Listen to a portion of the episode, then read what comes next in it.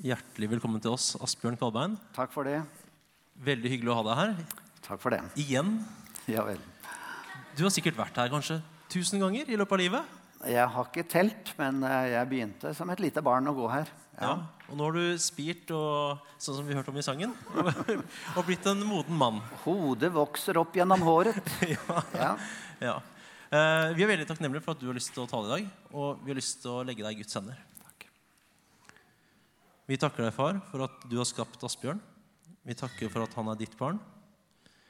Led han med din hellige ånd, og vi ber om at du virker i våre hjerter, slik at vi kan få et budskap fra deg i dag. Amen.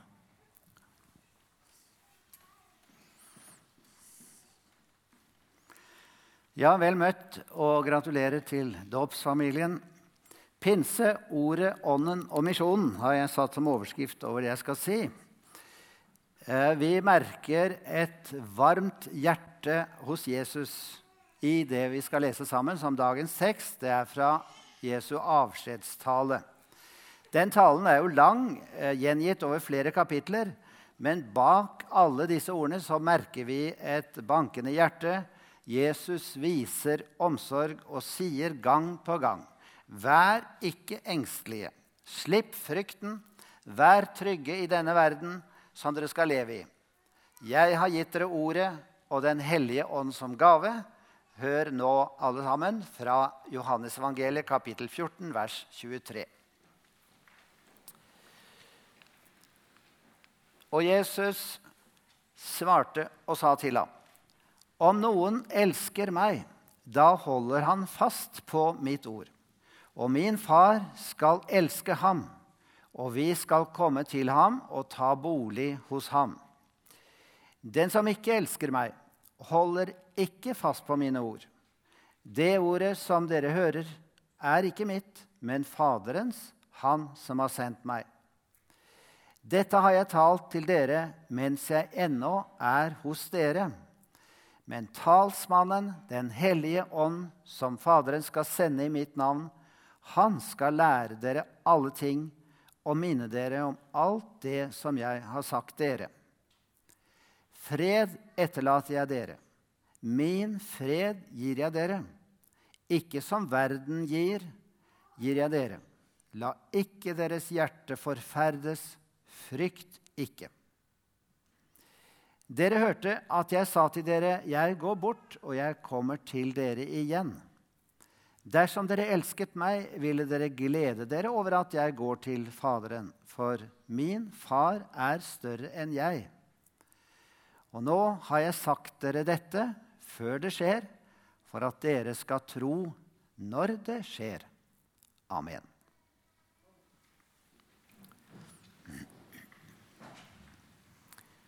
Om noen elsker meg, begynner Jesus med å si her. Det er ikke opplagt at han finner særlig mange rundt seg og rundt omkring i verden som virkelig elsker ham. For vi er jo overfylt av kjærlighet til oss selv.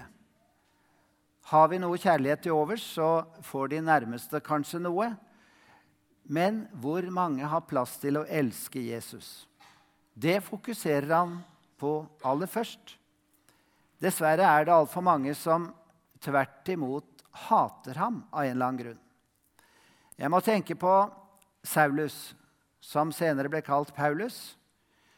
Han ble spurt av Jesus direkte. 'Saul, Saul, hvorfor forfølger du meg?' Også i dag kan vi spørre forskjellige mennesker hvorfor er du så imot Jesus? Han er jo bare god. Men det er noe underlig i dette. Så er det likevel noen som elsker Jesus. Og hvor mange de er, hvem de er, det vet bare Jesus selv. Da jeg tenkte over denne teksten, så måtte jeg be Herre, forny min kjærlighet til deg. La det være min pinske, pinselengsel. La meg få være en av dem som elsker deg, for jeg vet du elsker meg. Men jeg klarer verken å elske eller tro av meg selv. Men du, Jesus, kan skape denne kjærligheten i hjertet mitt. Så fortsetter Jesus med noe som er like lite selvsagt. Og det er at hvis noen er glad i meg, sier han, og elsker meg, da holder han fast på mitt ord. Hva betyr det å holde fast på Jesu ord? Ja, Det er mange uttrykk for det når jeg slår opp i et leksikon. Det er både å ta vare på det, passe på at det ikke blir skadd, ikke miste det, beskytte det. Men fremfor alt betyr det jo å overholde Jesu ord. Så holder jeg fast på Jesu ord, så lar jeg meg forme av hans måte å tenke på. Jeg prøver å bøye meg for hans vilje. Da holder jeg fast på hans ord. Så dette kan vi ikke ta lettvint, for Jesus snakker om like før i vår tekst og bruker nesten samme uttrykksmåten, men han sier ikke å holde fast på mitt ord, men han snakker om å holde fast på mitt bud. Og da kan vi ikke overfladisk bare liksom ta en mening fra Jesus, et slags innspill, eh, og kalle det snevre, gamle tanker som vi ikke trenger å bry oss om. Nei, Jesus er Herre. Han er Gud. Han har rett til å gi oss sitt ord og sine bud og sine befalinger. Det sier han her ganske klart. Og jeg synes Det er interessant når jeg slo opp dette ordet 'bud'. Det er brukt faktisk et, som et samlebegrep om hele kristendommen. Hele apostlenes lære er sett på som et bud hos Paulus. For det står slik Hold budet rent og ulastelig inntil vår Herre Jesu Kristi åpenbarelse som den salige og alene mektige, kongenes konge og herrenes herre. 1. Timotius 6, 14. Så er vi glad i Jesus, så holder vi fast ved budet, ordet, oppdraget. Vi holder det rent og i ære. Og så betyr det at vi blir oppdratt av Bibelen til å tenke riktig. Det må vi be om at vi er i en sånn posisjon og stilling at vi er elever, disipler. For om jeg vil være en kristen, så er jeg en disippel, en læregutt, en lærejente, som ikke kan ta det lettvint med ordet hans eller avvise hans bud.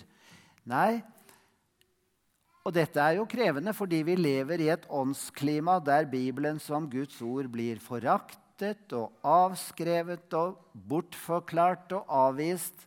Du kan se det hver dag i massemediene, så mange som gir uttrykk for at Guds ord er ikke noe å bry seg om. Så vi må spørre hverandre stadig er vi våkne, så vi ikke fanges inn av denne likegyldigheten. Mange er opptatt av kristendom, men de vil ha en tilpasset kristendom. Vi lever tross alt ikke i middelalderen, sier de. Jeg føler det slik at jeg opplever at Og så er jeg den store autoritet og kan lage en kristendom som er tilpasset meg. Så dekker man seg bak et populært rykte om at det fins jo så masse tolkninger.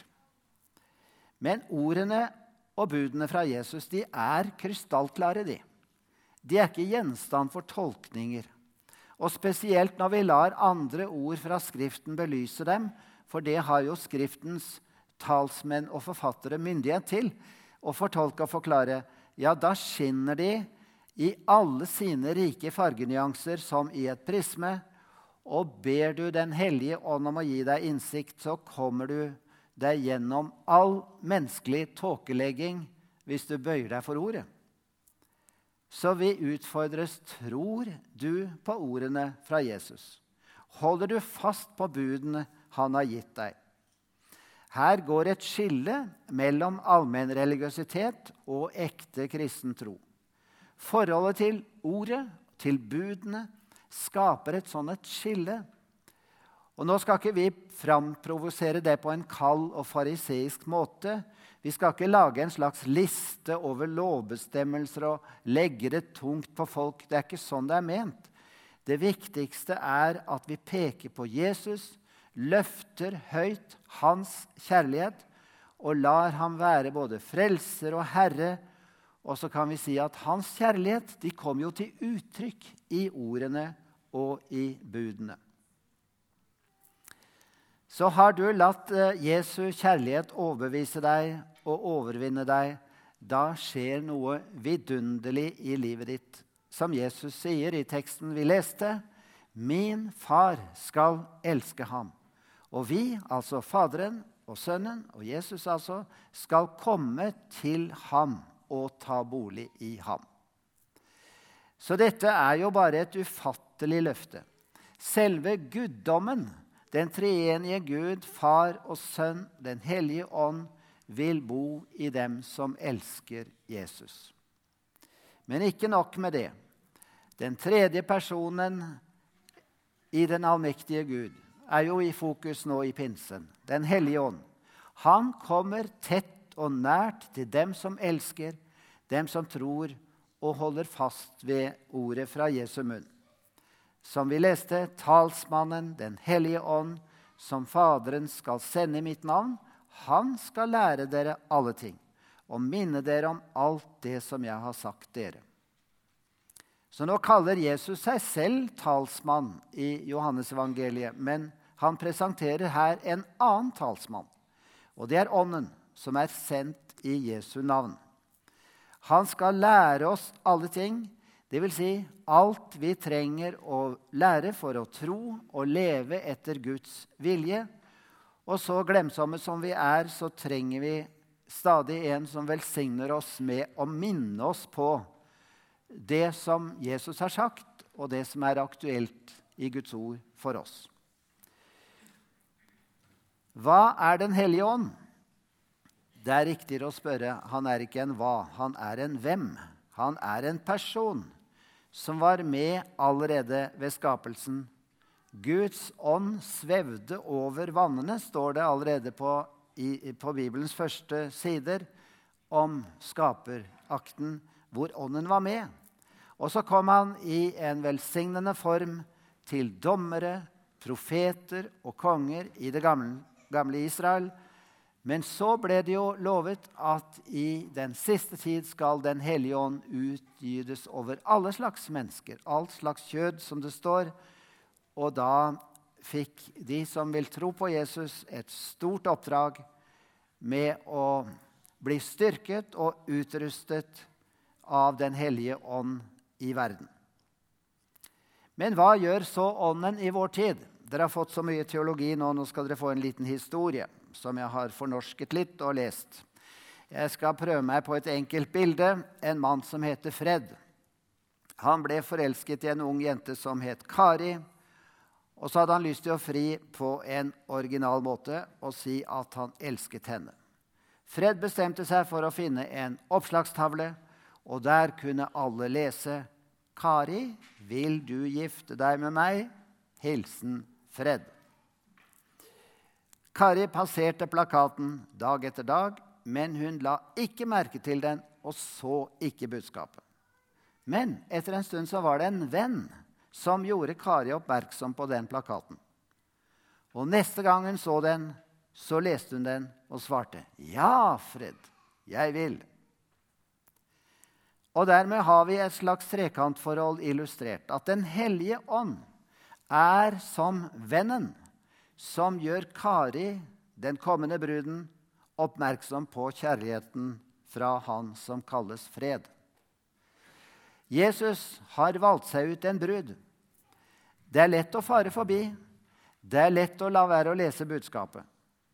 Men da er Den hellige ånd, den hjelpesmannen, som gjør oss oppmerksom på at det gjelder oss.